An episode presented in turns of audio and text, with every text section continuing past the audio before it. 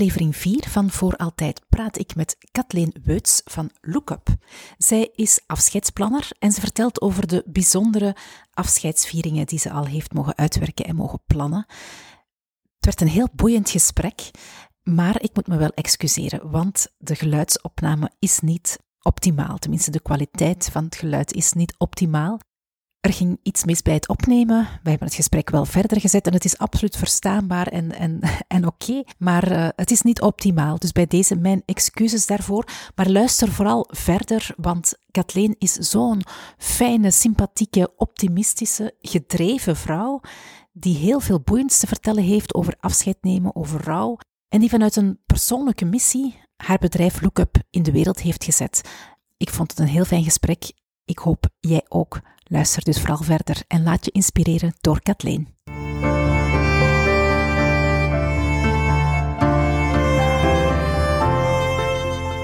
Voor altijd. Een podcast over warm en persoonlijk afscheid. Ik ben Eva van Woorden van Eva, verhalenverteller bij afscheid. In deze podcast zoek ik mijn weg in een afscheidslandschap in beweging. Ik neem je mee in het spoor van boeiende mensen die jou kunnen helpen met afscheid nemen. En ik geef je tips over hoe een afscheidsviering warm en persoonlijk kan zijn. Als een dekentje dat je hart verwarmt. Welkom voor altijd. In de vorige aflevering gaf ik vijf manieren om een eh, afscheidsviering persoonlijk te maken. En vandaag heb ik een gesprek met Kathleen van Lookup over hoe zij dat aanpakt als afscheidsplanner. Uh, ik ben hier trouwens te gast bij Kathleen in haar fantastisch mooie Lookup huis. Um, Kathleen, hartelijk welkom in deze podcast. Ik ben uh, heel blij dat je vandaag met ons wat uh, tips en ervaringen uh, wil delen. Dat je iedereen wil inspireren over hoe dat je een viering echt persoonlijk kan maken. Want als afscheidsplanner heb jij wel wat ervaring hè, met het organiseren van bijzondere afscheidsvieringen. Maar voor we daarin duiken, kan jij misschien eens vertellen wat dat lookup precies is of wat dat jij zoal doet? Goedemorgen Eva. Uh, welkom in ons Lookup huis. Ik ben heel blij om jou hier te zien. En ik vind het ook wel een beetje spannend zo'n podcast opnemen. Um, wat doen wij precies bij Lookup? Uh, Lookup is eigenlijk gestart na het overlijden van ons zoontje Lou. En Lou, Lookup, kijk omhoog. We proberen eigenlijk mensen de zonnestralen terug te laten voelen nadat ze op hun donkerste moment in hun leven geconfronteerd worden met rouw en verlies. Um, enerzijds wil dat zeggen dat wij afscheid op maat doen, dus herinneringsvieringen en afscheidsvieringen van A tot Z uitwerken, ook voordragen. Um, daarnaast bieden wij ook rouw- en verliescoaching aan, om een totale beleving rond rouw en verlies een beetje te ondersteunen en te zorgen dat mensen echt wel die zonnestralen terug kunnen gaan voelen. En daarnaast bieden wij ook uh, workshops en inspiratiecafés, allerhande activiteiten om, om de rauwste kant van rouw naar boven te laten komen en die taboes een beetje te doorprikken. Kort samengevat. Je vertelde net, uh, Lookup is ontstaan eigenlijk nadat jullie als uh, gezin iets heel ingrijpends hebben gemaakt. De grootste angst van alle ouders, denk ik. Ik ben zelf mama van drie en dat is iets, ja, je mag daar niet aan denken dat zoiets gebeurt. En dan gebeurt het toch. Want jouw zoontje Lou is uh, gestorven toen hij elf maanden was. Uh, maar jij hebt ergens op een of andere manier de kracht gevonden om van zo'n de moeilijkste gebeurtenis uit jouw leven ongetwijfeld, om daar toch iets, ja, een mooi vervolg aan te maken. Hoe heeft Lou jou geïnspireerd of waar heb jij die kracht gevonden om daar dan zoiets moois van te maken? Wel, dat is eigenlijk uh, heel bijzonder. Op het moment dat... Ja, ik ga beginnen bij het begin. We hebben eigenlijk zeven jaar vruchtbaarheidsbehandeling gehad om ons zoontje Lou eindelijk in ons armen te mogen sluiten. Dus ja, dat was de mooiste dag van ons leven. Na heel wat tegenslagen, eindelijk een vrolijk, knap, blond kereltje met grote blauwe kijkers die we in ons armen konden sluiten.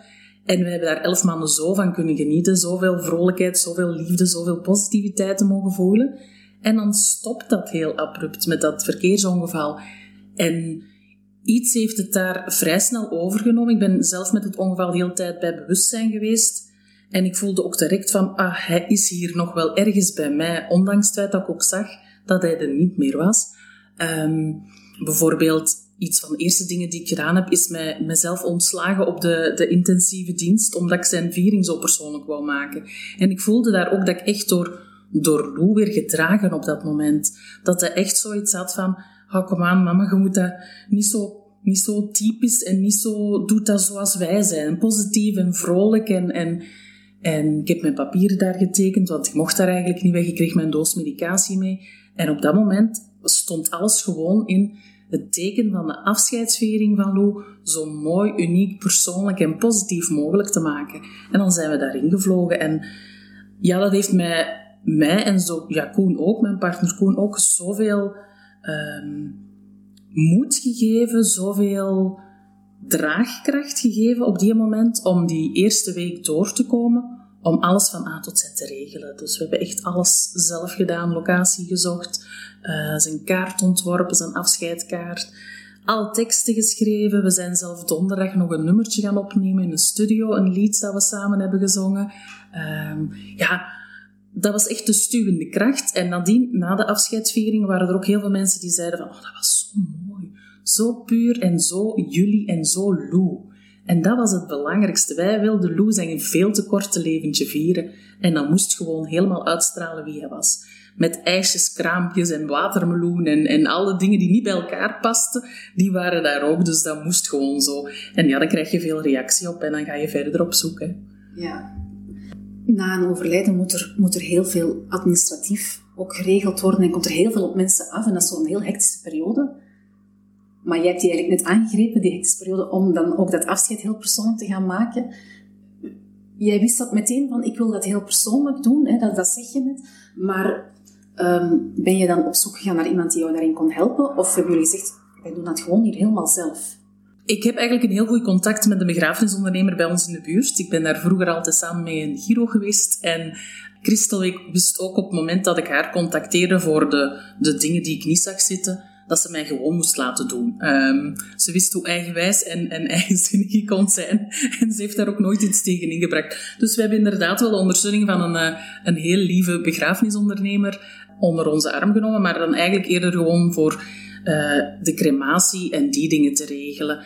Uh, maar echt de viering zelf hebben wij helemaal zelf gedaan. Dus ja, we hadden het geluk dat we Christel in ons buurt hadden, die dan toch nog de, de, admin, de, de zo'n beetje deed. Um, ja. En ja, dat was fijn dat zij er was als backup als we ergens aan twijfelden. Maar laten we zeggen dat we 95% zelf allemaal hebben uitgezocht en uh, gepland hebben. Je zegt je, nadien, na de viering, kregen jullie van veel mensen de reactie van amai, dit was zo mooi. Dit was, ik kan me voorstellen dat het ook deugd deed dat je zo'n ja, warme reacties kreeg nadien. Dat mensen ook jullie en Lou vooral daar heel hard in herkenden ook in, in die viering. En dat hij op die manier ook eh, een, een, een, stuk kan voortblijven bestaan, in, ook in herinneringen zeker. En, um, was dat voor jullie ook belangrijk om, om, zo echt een warme herinnering te creëren? Is dat een moment waar dat je nog mee, met warmte naar kan terugkijken nu? Of waar dat je nog regelmatig aan denkt, aan die viering zelf? Ja, die viering was echt voor ons uh, het kroontje op zijn, zijn, zijn veel te korte leventje. We wilden dat echt heel persoonlijk maken, heel uniek. En ik denk ook de manier waarop dat we dat zo hebben aangepakt, dat dat voor ons een eerste stap was in het de manier zoeken om te leven met, met hem op een andere manier bij ons. Um, zo belangrijk. En die reacties van mensen deden natuurlijk ongelooflijk veel deugd. Want als je tegen iemand vertelt, ik moet naar een eh, afscheidsviering van een, een kindje, ja, dan voelde die zwaarte ook al heel veel meekomen. En wij wilden ook weg van die zwaarte. Het is al dramatisch, het is al ongelooflijk zwaar, ongelooflijk intens. Laat ons alsjeblieft zijn zijn leventje vieren en, en, en de persoon laten uitstralen wie hij voor ons geweest is en zijn, zijn vrolijkheid en zijn positiviteit met de andere mensen meegeven. En dat is wat heel veel mensen hebben onthouden ook. Gewoon omdat er niks donkers, niks kil, niks... Dat is gewoon helemaal low, helemaal ons. En dat was zo belangrijk. En je voelt dan ook van dat heel veel mensen zeggen van oh, als we dat in onze tijd hadden geweten, dan hadden we het toch helemaal anders kunnen aanpakken. Ja. ja, en dat zijn zo van die die belletjes die zijn blijven rinkelen in mijn verdere zoektocht. En ja, ja. daar probeer iets mee te doen dan. Ja, en dat heb jij gedaan. Ja, klopt. Je hebt daar echt iets mee gedaan. Um, met het Look-up Huis, jullie doen hier van alles, je zei het daarnet mm al, maar we gaan het in deze aflevering vooral hebben over dan jouw job als afscheidsplanner. Ja. Wat doet een afscheidsplanner? Ja, Want dat is een nieuwe job, hè? Dat is, ja, ja, ja. niet zoveel, denk ik. Nee, helemaal niet. En ik, ik weet ook dat ik in mijn zoektocht naar een geschikt woord dat de lading moest dekken, op zoek ging. Want dat bestond ook helemaal niet, het woord afscheidsplanner. En ik, ik ging dan een beetje op zoek van, ja, wat doet eigenlijk een weddingplanner? Ja. ja, die maakt alles van A tot Z om jullie de mooiste dag van jullie leven te geven. Ehm, en ik vond afscheidsplan er wel mooi klinken, dus ik dacht, ja, laten we dat daarnaast zetten. Dat geeft zo de extra uh, dimensie aan het afscheid en aan al het geregel. En dat dekt wel mooi de lading. En uh, wat doen wij precies? Ja, dat is echt van A tot Z. Dus wij gaan bij de mensen thuis ook uh, na het overlijden. Wij horen waar dat ze willen, de locatie, welke locatie ze willen. We hebben hier zelf ook een mooie ruimte ter beschikking met een heel mooie weiland aan, waar we al van alle dingen hebben gedaan. Um, maar ik, ik werk ook in het Gentse bijvoorbeeld. En daar ben ik eens op zoek gegaan naar een kasteel voor een, uh, een jongetje dat overleden was. En alles was daar in ridders en kastelen thema. Dus dat hebben we ook al gedaan. Dus locatie zoeken. We werken de um, uitnodiging uh, eigenlijk een beetje uit. Um, niet de standaard zwarte donkere boeken, maar echt gebaseerd op, op het kind of de persoon zelf. De aankleding, decoratie, het wordt helemaal ingericht met de kleuren, bloemen, uh, soms zelf palmbomen, muziekinstallaties in het groot, omdat we een festival ook onlangs georganiseerd hebben. Dus echt de totaal omkadering. Ja. Dan gaan we ook in gesprek met uh, de mensen en gaan we vragen van, wil je eigenlijk zelf veel doen een dienst? Willen jullie zelf met getuigenissen werken of willen jullie dat het wordt voorgedragen? Dan schrijven we ook hun teksten uit. Heel veel uh, in gesprek gaan en luisteren en de persoon leren kennen in kwestie, want die kent die natuurlijk niet. Um, muzikale omkadering zorgen we ook voor. Um, soms durf ik zelf ook al wel eens zingen op een afscheidsviering, want dat doe ik dan ook nog graag. dus ja, eigenlijk de totaalbeleving van het afscheid vieren, maar ik zeg heel bewust vieren, ja. wordt daar centraal gezet. En dat doen wij voor, uh, voor de mensen als zij het niet zien zitten om ja. het uit te werken. En het echt het leven vieren. Ja, ja. Vind ik heel, heel belangrijk dat daar wordt naar gekeken en niet naar uh, de zwaarte van het overlijden, maar gewoon dankbaar zijn om de periode dat je die persoon hebt gekend en bij je hebt mogen hebben. Ja, als afscheidsspreker vind ik het ook super belangrijk dat we ja, inderdaad kijken naar al de mooie herinneringen die er zijn en ja. het leven gaan eren en gaan vieren. Wat je vaak merkt in, in afscheidsvieringen is inderdaad die zwaarte. Hè? Mm. En als we over de dood praten, wordt het ineens allemaal heel beladen, dramatisch ja. en, en, zwaar. Maar het, is, het verdriet is op zich al zwaar genoeg. Hè? Tuurlijk, en dat voelen we allemaal. Nee, nee, absoluut niet. Ja. Nee. Nee, ik ben ook echt van het principe, laat ons daar lachen. Ik vind, het zijn twee stokpaardjes van mij. Ik vind positiviteit in afscheidsvieringen heel belangrijk. Om die positieve vibe en dat warm gevoel van die persoon mee te geven. En aan de andere kant ook humor. Ik vind het heel belangrijk dat erin gelachen mag worden. Ik vraag ook altijd, vertelt eens een frats. Mm-hmm. Of wat hebben ze uitgehaald? Of waar moeten nu om lachen als je daaraan denkt? En ik verwerk dat er ook altijd in, omdat humor in een afscheidsviering zuurstof geeft. Mm. Omdat er toch uiteraard een, een, zware beladenheid zit. Er zit heel veel verdriet, heel veel emotie. Maar als je dan zo op een heel subtiele, leuke manier daar een humoristisch dingetje kan instoppen, dan, dan voel je echt zo letterlijk mensen ademhalen en zeggen van, oh ja, dat was hem ook. Of dat ja. is ze ook. Dus, ja. ja. Ja, het, je, creëert, je, creëert, daarmee ook zo die verbondenheid. Ja. Dan is iedereen van, ja, ja. de gezamenlijke herkenning en, en herinnering. Ja, klopt. Dat staat uh, heel, heel veel centraal. Ja. Ja. Maar jij levert dus echt wel een heel totaal pakket. Um, hoe ga je bijvoorbeeld op zoek naar locaties? Je zegt, we hebben hier een locatie. Mm-hmm. Maar jij werkt ook met andere locaties. Jij gaat echt op zoek naar, naar feestzalen of zo, of naar parken of weet ik veel. Ja, het is heel gevarieerd. Um, wij hebben eigenlijk in heel Vlaanderen al wel wat afscheidsvieringen gedaan. Ah, ja. Um, ja, hoe komen mensen bij ons? Ja, via via woord tot woord reclame. En ja, je hebt uiteraard wel een levende pagina waar dat mensen je wel kunnen op terugvinden. Maar het zoeken naar de locaties is echt op maat. Ja. Ik zeg het zoals bij dat kindje dat daar alles bij ridders en kastelen willen, dan, dan um, hebben we daar echt een kasteel bij hem in de buurt gezocht om het daar te gaan doen. En wij hebben niet echt vaste samenwerkingen, enkel onze eigen locatie. Dus als iemand vraagt van ik wil een festival, een foodtruckfestival, ja, dan gaan wij op zoek van waar kunnen we dat zetten. Wilt er iemand een, een wandeling, hebben we ook al eens georganiseerd, een afscheidswandeling, ja, dan gaan we een leuk bos zoeken waar we een plaats hebben waar we nog kunnen samenzitten. Dus echt heel op maat. Ja. Je gaat al een paar voorbeelden aan. Je spreekt over een festival. Uh, ridders uh, heb je al eens gedaan, een wandeling. Zijn er nog zo van die bijzondere vieringen die je al hebt, uh, waar je een voorbeeld van kan geven, van hoe je dat dan echt precies hebt aangepakt? Uh, zodat mensen een idee kunnen krijgen van ja, wat is er allemaal mogelijk eigenlijk. Hè? Want ik kan me voorstellen dat dat we hebben allemaal zo die, die standaard afscheidsviering in ons hoofd. Ik denk dat veel mensen eigenlijk gewoon niet weten Nee. dat er iets anders ook kan. Nee, dat klopt. Ja, een van de recentste vieringen is dat, eh, dat muziekfestival. Ehm, het, het is eigenlijk een mama van drie kinderen die eh, terminaal ziek was, eh, kanker had. En waar ik mee in gesprek ben geraakt, maar gewoon via WhatsApp.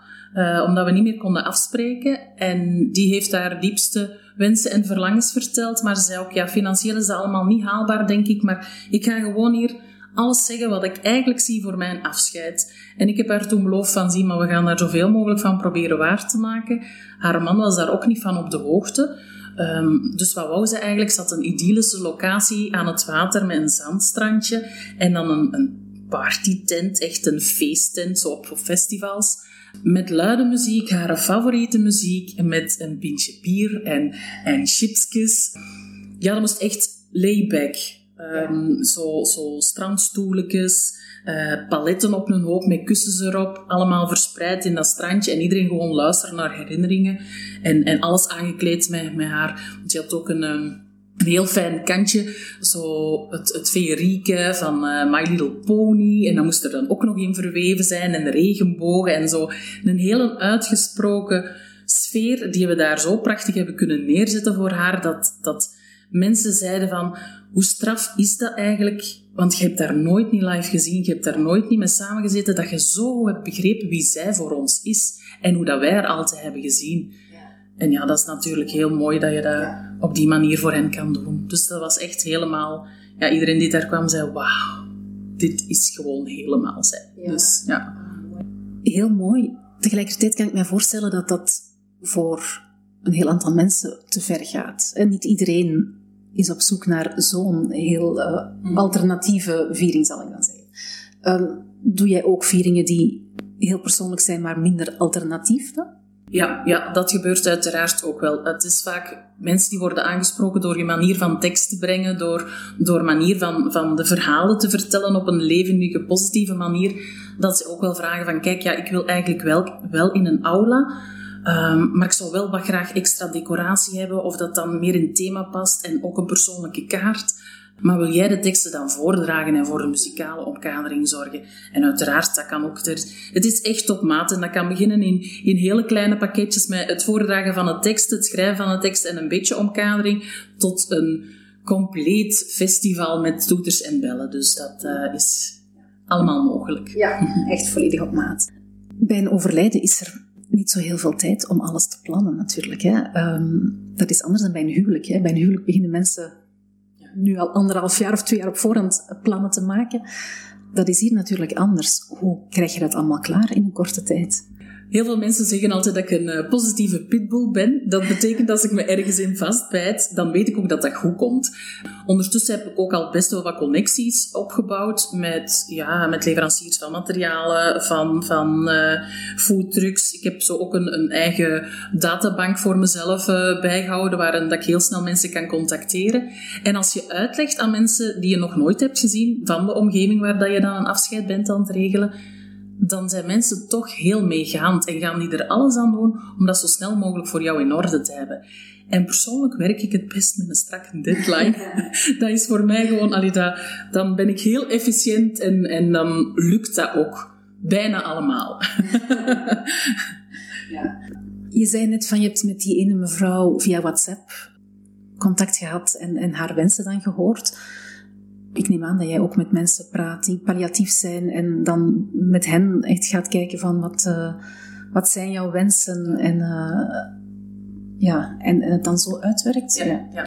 ja dat, uh, dat doen we zeker ook. We hebben zo een vorm van afscheidsakte waar zowel palliatieve mensen als niet-palliatieve mensen, omdat we net dat taboe door, willen doorprikken voor de standaard afscheidsdiensten en vieringen.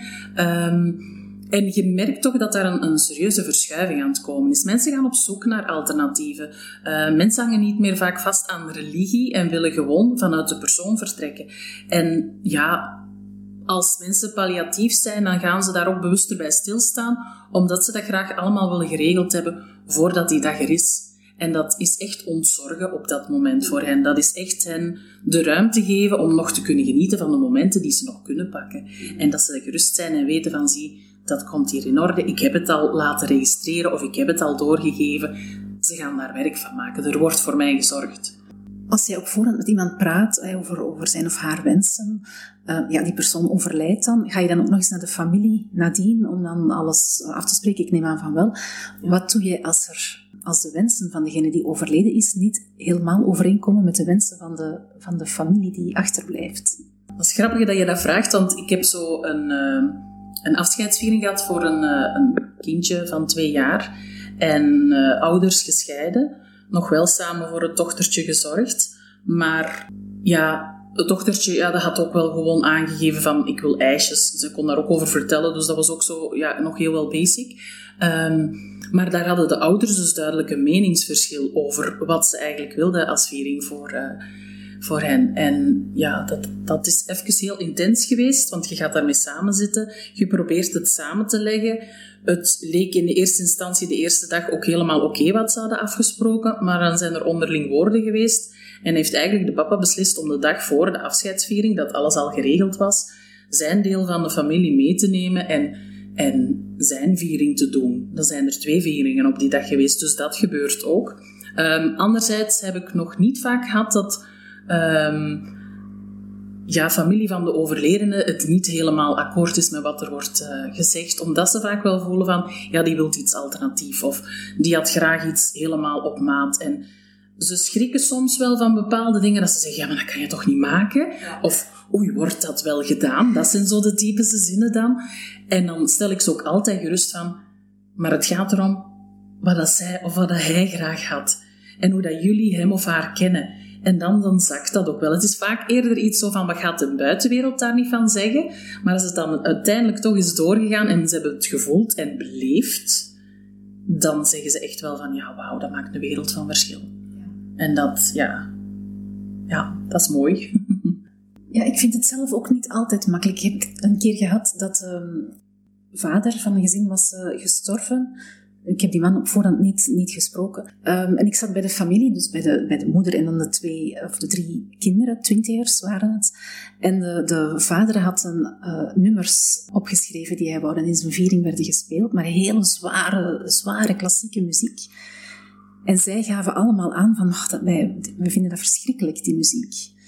En dan vind ik dat wel moeilijk, omdat um, de viering is er uiteraard om de persoon te eren die gestorven is, maar is er ook voor de achterblijvers. Zij moeten daar ook met een, een warm gevoel kunnen buiten gaan. En als het dan alleen, alleen maar muziek is waar zij uh, bijna misselijk van worden, ja. dus dan is het zowel compromis zoeken. Hè. En we hebben dat dan ook gedaan. En een aantal van de nummers wel gespeeld, maar ook een aantal van hun nummers, hè, zodat het uh, een combinatie was. Maar dat is niet altijd makkelijk. Hè. Dat is echt uh, zoeken hè, naar, eh, naar een compromis tussen de verschillende belangen. Maar ik moet zeggen, het gebeurt niet, mij ook niet vaak dat, uh, dat daar echt heel andere wensen zijn of zo. Ja, klopt. Er zijn een paar extreme situaties, zoals inderdaad met dat dochtertje dan, dat ze dan beiden nog beslissen om ja. ieder apart een, een afscheidsviering te doen. Maar dat is ook goed gekomen. Ze hebben alle twee op hun manier dan kunnen afscheid nemen. Dus ja. was vooral voor de, de naaste familie heel intens, uiteraard. Ja, ja. Dat het niet samen kon. Werk jij alleen of heb jij een team tot je beschikking? um, ik werk alleen in de zin van, uh, ik ga zelf de eerste gesprekken doen. Ik uh, um, zorg ervoor dat ik de mensen zelf ken. Ik vind het ook heel belangrijk dat, dat ik de familie en het gezin kan voelen als ik ook de dienst effectief ga voordragen. Mm. En ik werk samen met heel wat freelance mensen, dus ik ben zelf geen digitaal beestje in het ontwerpen. Maar ik ben wel heel beeldend om het dan door te geven. En ik heb een aantal mensen waar ik daarmee samenwerk. Um, zoals ik ook al zei, mijn foodtrucksjes die dan vaak worden, worden uh, gevraagd, dat ook wel. Muzikanten, ik heb een aantal vaste muzikanten die voor mij uh, de dienst ook uh, opvrolijken en, muzikaal ondersteunen. Um, ja, ik heb veel verschillende contacten, waardoor dat het niet voelt alsof ik alleen werk. Ik heb een, heel, een hele achterban die zeggen van ja, ik kan op die dagen, dan mag je mij bellen. Um, ik heb ook een aantal vrijwilligers hier in het Look-up huis, die uh, soms ook meegaan om, om dingen klaar te zetten. En die gewoon, die mijn visie en mijn beleving ook snappen, waar dat ik bijna zonder woorden kan zeggen van, ah, zetten jullie dat klaar? En dat is wel heel fijn dat je ja. uh, zo mensen rondom je hebt. Dat is belangrijk. Zeker. Zijn er dingen die je net wel of net niet doet tijdens een afscheidsviering? Zijn er dingen dat je zegt van nee, maar dat doe ik niet? Of, of, ehm, of dat ga ik sowieso altijd wel doen? Of, ja. Ik ben op dat moment ook iemand heel intuïtief. Ik neem echt mijn tijd om daar uh, te staan, om de mensen te, te ondersteunen. Uh, mijn kinderen merkten dat ook vaak. Ik had onlangs ook een afscheidsviering uh, waar een jongetje van zeven jaar saxofoon wilde spelen kind had ook een, heeft een problematiek van autisme, dus zij wist niet op voorhand gaat dat lukken. Uh, we hadden dat dan op voorhand opgenomen, dus ik probeer ook heel veel dingen zo wel op voorhand nog in te calculeren van wat als. Uh, maar ik neem wel, mijn tijd op het moment, dus ik heb die, die viering ook stilgelegd, want ik had gevraagd, uh, wil je graag komen spelen? Je mag nu. En hij was een beetje zenuwachtig en hij zei, ik moet eigenlijk naar het toilet. dus het was zo hard, hard. En ik zeg, ja, vinden jullie het oké dat hij eventjes naar het toilet mag? En dan kunnen we zelfs genieten van zijn muziekstuk. Dus dat is zo persoonlijk, zo echt en zo puur. En ik vind dat dat altijd centraal moet staan. Ik, ik ben niet degene die er met de klok naast zit. Uh, ik vind het gewoon belangrijk dat het matcht op dat moment. En zijn er dingen die ik niet doe? Ja, op de klok vastkijken om ervoor te zorgen dat het echt wel allemaal... we nemen meestal, als we zo uh, atypische locaties hebben, ja, dan zorg je ook dat je daar lang genoeg de tijd en de ruimte voor hebt. En dan is dat niet zo afgeleid van, oh, er is zelfs nog een dienst. Um, dat is fijn dat je die tijd hebt. Echt wel. Eh, ja, dat is gewoon noodzakelijk ja. om, om die sfeer te scheppen, om de beleving helemaal te maken voor hen. Dus, ja. Werk jij samen met begrafenisondernemers? Um, samenwerken met begrafenisondernemers. Ik werk eerder ondersteunend aan begrafenisondernemers. Er zijn er een aantal die heel veel openstaan voor wat ik doe, die in het begin zelf heel sceptisch waren als ze dan gecontacteerd worden door de familie, waar ze dan horen van, ah ja, ik had eigenlijk bij Lookup afgesproken om uh, dat zij de dienst gingen doen voor een groot deel. En dan zijn ze soms wel een beetje sceptisch van, ja, en hoe zie je dat dan? En heb je daar wel ervaring in? En, en wat doe je dan precies? Maar die heel vaak nadien terugkomen op hun woorden en zeggen van, wauw, wat een absolute meerwaarde dat je dat op die manier hebt kunnen brengen hier en dat we dat zo samen hebben kunnen doen. En die dan wel contact houden. Die me soms zelf contacteren om te zeggen van, ja Kathleen, ik moet hier zelfs naar uh, een uh, kindje van vijf jaar dat overleden is. Naar die ouders was nu weer belangrijk, geef nog eens mee. En dat vind ik dan enorm mooi. Dat zijn dan de mensen die er wel in meegaan en ook voelen van dat er daar wel een serieuze kanteling aan het komen is in uh, het traditionele afscheid nemen. Aan de andere kant zijn er ook mensen, eh, ja, toen ons huis hier opende, hadden wij hier in de omgeving ook wel persoonlijk de begrafenisondernemers gaan uitnodigen. En daar waren er ook bij die zeiden van, ah ja, en wat gaat dat dan precies doen? Ja, en hoeveel jaar ervaring heb je en welke opleiding heb je daarvoor gevolgd? Ja. En dan had ik ook zoiets van, ja, jammer dat je daar niet voor open staat, want het zou uw zaak misschien ook te goede kunnen komen dat, je, dat we zouden kunnen samenwerken. Maar dan kan ik dat ook wel van mij af. Allee, dan kan ik dat ook wel opzij zetten en zeggen van oké, dat is dan niet de persoon waar dat we mee moeten samenwerken. Maar we werken sowieso wel ondersteunend, omdat ik zelf geen lichamen ga ophalen en ik uh, ja, voor ophaling en zo, dat, uh, dat ook niet. Nee, nee, het is nee. Ja, je zegt, uh, er was zowel wat sceptisme bij de begrafenisondernemers. Ik kan mij voorstellen dat er nog wel bij mensen zo wat bedenkingen zijn. Prijs misschien? Maken mensen daar bedenking over van, ja, is het dan niet heel duur als je zoiets... Uh... Ja, um, dat is iets wat in het begin ook heel moeilijk was voor mij om transparant te maken, omdat je net op maat werkt. Um, en ik vond dat wel belangrijk dat we daar zo een beetje pakketten in zijn gaan samenstellen. Klinkt een beetje plastisch, maar eigenlijk zijn het gewoon een basisformule, een, een, een plusformule en dan er zijn geen grenzenformules, zo zal ik het noemen.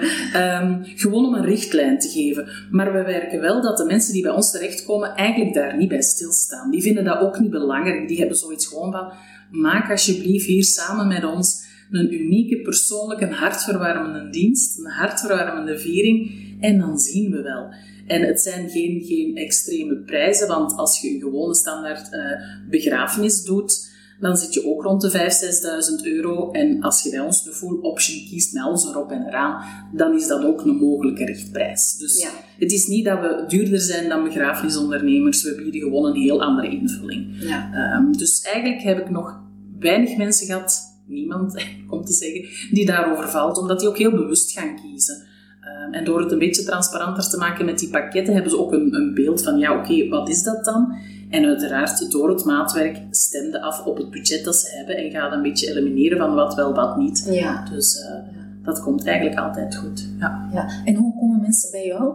Is dat via een doorverwijzing van een begrafenisondernemer? Is dat rechtstreeks mensen? Ja, je zei daar net al woord aan woord. Ja, ja dat is het eigenlijk het meest van al. Um, ja, wij hebben zelf een heel grote vriendenkring uh, met de dienst van ons Loke, met de afscheidsviering van onze Lo, is dat eigenlijk best snel beginnen te verspreiden. Dat mensen horen van, oh, dat kon ook anders.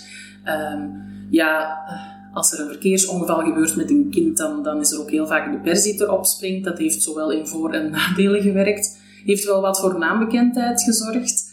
Ik heb ook een heel uh, levendige Facebookpagina waar ik heel persoonlijke verhalen op post. Uh, mijn look-up ervaringen van, van andere um, mensen die we hebben ondersteund. En dat werkt ook wel. En begrafenisondernemers is het enkel en alleen degene die er al eens van geproefd hebben of het hebben beleefd, die het dan uh, doorverwijzen. Hmm. Of die ook zoiets hebben bij, bij want vaak krijg je dan ook wel de moeilijkere um, diensten, om het zo te zeggen, waar ze zeggen van, ah, ik weet niet hoe dat ik dat moet aanpakken. Help. Dus ja. dat, dat is ook wel. Het is een beetje langs verschillende kanalen. Ja. ja. Zijn er nog zo bedenkingen die jij hoort vallen rond het concept van afscheidsplanner uh, dat je kan weerleggen? Of maar ja, de mensen, je zegt de mensen die bij jou komen, die hebben natuurlijk geen bedenkingen. Ja, nee, die hoor ik misschien niet genoeg, die dingen. Allee, het zou mij ook niet raken, omdat ik weet dat ik een meerwaarde kan betekenen. En omdat we, als je samen met een, een, een familie dat op die manier kunt doen, ja, daar draait het om. Waar dat andere mensen daar nog in hun eng denkende patroon zitten, dat is voor mij helemaal oké. Okay. Die zijn daar niet of nog niet klaar voor. En dat is dan ook zo. Dus ja. uh, nee, ik heb het gevoel dat, die, dat de juiste mensen wel tot, uh, ja. tot bij jou komen, ja. om zo te zeggen. Nog een vraagje over emoties. Want uh, als we over afscheid praten, ja, dan zitten daar sowieso emoties, sterke emoties bij. Hoe ga jij daarmee om?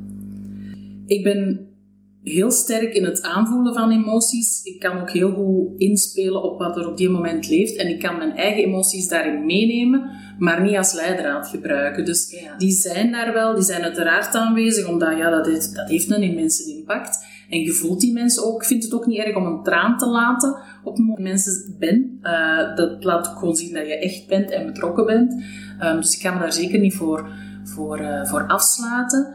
Met voordagen van een dienst is dat natuurlijk net iets anders. Dan moet je er natuurlijk wel staan en dan, dan gaat dat ook wel. Um, en ik heb nadien, na elke viering, wel zo mijn, mijn muziekuitlaatklepje, zal ik zeggen. Dan uh, radio in een auto keihard en is goed mee zingen, roepen, uh, eender wat, of gewoon keihard huilen. Ja. Gewoon omdat alles er eventjes uit moet. Maar dat is ook oké. Okay. En het warmste gevoel dat ik overal aan die afscheidsvieringen doe, dat is gewoon van zij hebben het afscheid gekregen wat dat ze eigenlijk wilden, wat dat ze verdienden en waar dat ze naar op zoek zijn gegaan. En die emotie is veel sterker dan, dan al die ja. van, van, ja, van de andere impact. En dat motiveert jou? Ja, dat is gewoon een echte... Dat is mijn drive, dat is mijn missie. Dat is, dat, daar wil ik heel veel mensen um, in meenemen om dat op zo'n persoonlijk unieke manier te doen. Ja, ja. mooi. Ik herken het wel van de emoties. Bij mij zit ook in de auto. Ja. Dan komen de tranen. Ja. En dat is, ook, dat is oké. Okay, dan ja, komt die en dan is dat weer weg. En dan, ja, dan draag je het verhaal mee. Maar dan, ja, ja. dat is mooi. Zeg, hoe zie je de afscheidswereld, zal ik zeggen? Hoe zie je dat, dat landschap veranderen in de toekomst? Ja, ik ben in 2016 gestart uh, met Lookup en toen was er eigenlijk nog helemaal ook niks op maat voor kinderen. Daar zijn ondertussen al een paar heel fijne organisaties en uh, uh, zaken bijgekomen die het ook heel erg op maat maken. Dus daar zit wel echt een groei in. En enerzijds mensen die, die het gewoon door persoonlijke ervaring of door dingen die ze gezien hebben zeggen van oh, dat lijkt me ook wel iets. Dat is iets waar ik mijn, mijn talent en mijn, mijn mijn kunde wel in kan wegleggen en anderen wil ondersteunen. En anderzijds merkte ook bij begrafenisondernemers dat ze wel een andere weg moeten opgaan of een alternatief moeten aanbieden, net omdat er zoveel meer afscheidsplanners komen. En, en, en ja. Dus Ik, ik denk dat dat, als we beide voor elkaar zouden openstaan, zouden wij heel fel versterkend voor elkaar kunnen zijn, zonder als ja, sommigen zien het als concurrentie, maar dat is niet. Wij werken ondersteunend en, en zo bespreek ik het ook altijd. Je hebt, ja, de kunst van begrafenisondernemer zijn. Dat is ook een heel apart beroep en dat is ook een hele eigenheid die perfect kan samengaan met de werking van een afscheidsplanner, omdat de twee werelden matcht met elkaar en dan nog, ja, nog meer impact kan hebben. Dus als jullie die horen, onthoud dat even en bel ons even op, want ik denk dat we daar samen heel wat dingen in kunnen bereiken. Ja. Heb jij nog bijzondere plannen voor de toekomst? Ehm, ja, omdat ik eigenlijk een stukje onder evenementen val, hebben wij eigenlijk geen herinneringen en afscheidsvieringen niet meer kunnen doen. Ik ben geen officiële begrafenisondernemer. Dus er staan heel wat herinneringsdiensten op de planning. Wij hebben dat een stukje ook in het leven geroepen. Ook toen bij ons loken mensen zeiden van, ah, als we dat toen hadden geweten dan. Heb ik ook gaan bedenken van, ja, misschien kun je daar ook nog wel iets mee doen. Dus heel wat herinneringsvieringen die wel klaarstaan. En er komt ook een, uh, een koester, de herinneringenmarkt aan, waarin dat we eigenlijk hier rond ons huis allemaal mensen die op een heel bijzondere manier, waar je ook welkom bent Eva, ik nodig je even uit, uh, hun talent om afscheid persoonlijker, unieker en positiever in beeld te brengen, gewoon in kraampjes, standjes kunnen laten zien. En dat het hier een belevingsmarkt wordt ah, rond, rond rouw, maar dan de warme kant van het afscheid nemen. Dus dat is Oh, ik vertel dat hier eigenlijk. ik had niet verwacht dat ik dat al ging vertellen, maar wat, het is de wijde wereld, Tim. Dus ik moet het wel laten doorgaan. Een, primeur. ja, zoiets. Dankjewel ja. deze. Nee, dat is graag gedaan. Maar ik voel ook dat daar nood aan is. En als je dat hier op zo'n heel laagdrempelige manier kunt aanbieden, en mensen kunnen daar letterlijk eens doorwandelen en voelen wat er allemaal nog mogelijk is, ja, dan gaat er zo'n wereld van verschil open voor mensen. En het allerbelangrijkste in een proces met het leren omgaan met het verlies, van iemand, is toch wel dat die afscheidsviering is hoe dat je eigenlijk voor ogen hebt. En, en dat is zo'n belangrijke eerste stap in uh, het proces van ja, om te gaan met het verlies. Ja. Dus ja, daar gaan we voor. Ja. ja, en het is ook fijn om daar op voorhand al eens uh, over na te denken of, of eens te komen, inderdaad inspiratie te komen opdoen of te komen ja. proeven van Tuurlijk. wat kan er allemaal. Ja. Want op het moment dat er een overlijden is, is, moet er zoveel gebeuren. dat je dan, ja. ja. Ja. en heel veel mensen gaan dan in automatische piloot ook. Hè? Ja. En als je dan niet weet welke alternatieven er zijn en de versterking komt niet langs twee kanten, van begrafenisondernemers en ondersteuner van afscheidsplanner, ja, dan blijft het gauw in het, in het stereotype en, en in het vaste patroon. Wat niet slecht is, hè, want ik wil dat niet, te niet doen, maar er is zoveel meer mogelijk wat dat mensen zou kunnen ondersteunen op die moeilijkste moment. Dus ik denk, ja, als we dat, daar nog inderdaad die taboes van kunnen doorprikken, uh, dat is ook een reden waarom dat de afscheidsakte ook meer en meer naar boven komt, dat mensen daar bewust gaan over praten en, en, en ja, een beetje nadenken over wat hun afscheid zou kunnen zijn. Ja. Taboes een beetje bespreekbaar maken op de meest positieve manier. dat is het doel. Ja, ja en wat, wat je zegt, van, uh, het is ook niet slecht. Allee, er, is er is geen goed en geen fout hè, nee, natuurlijk niet, natuurlijk niet. En iedereen uh, moet het doen op een manier waar hij of zij zich goed bij voelt. Ja. Maar je moet natuurlijk weten wat er allemaal kan. Ja. En daar gaat het ja. vooral over. Klopt. Nog een laatste vraag, Kathleen. Wat is het mooiste compliment dat je al gekregen hebt?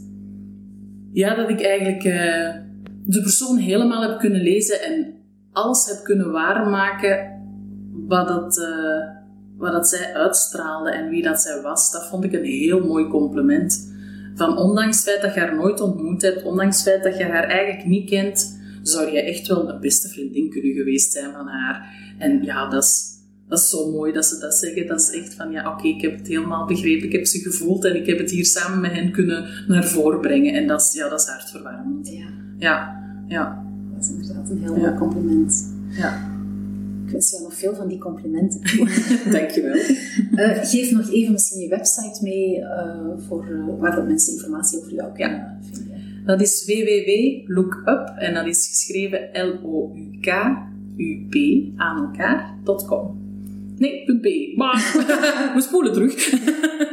Wat je? Ja, www.lookup.be. Oké, okay, ja. En daar kunnen mensen jou terugvinden. Super bedankt voor dit fijne gesprek, voor al jouw uh, tips, jouw inspiratie. Ik vond het heel uh, inspirerend om uh, te horen hoe dat jij ermee omgaat. En, wens heel veel mensen een viering bij jou ik. Maar nee, een beetje raar. Nee, ja, dat hebben nogthans, zeggen nog wel mensen dat. Ik wens heel veel mensen een Kathleen op hun schouder als ze bezig zijn met afscheidsvieringen in Ja, elkaar dat- steken. ja, dat zeggen ze ook wel. Ja. Dus misschien bedoelde je dat, dan een beetje. ik, absoluut. absoluut. Heel veel succes ook nog met al je toekomstige Ja. plan. Dankjewel. En ehm, heel fijn om hier te gast te zijn geweest in jouw Look-up huis. Ja, ik ben heel blij dat je hier bent geweest en we zien elkaar al zeker terug op eh, de Koestermarkt. Heel graag. Ja. Heel graag. Dankjewel. Zo, we hadden het net over emoties ook, die uiteraard volop aanwezig zijn tijdens een afscheidsviering. Volgende week heb ik het over humor en lachen tijdens een afscheidsviering. Tot dan!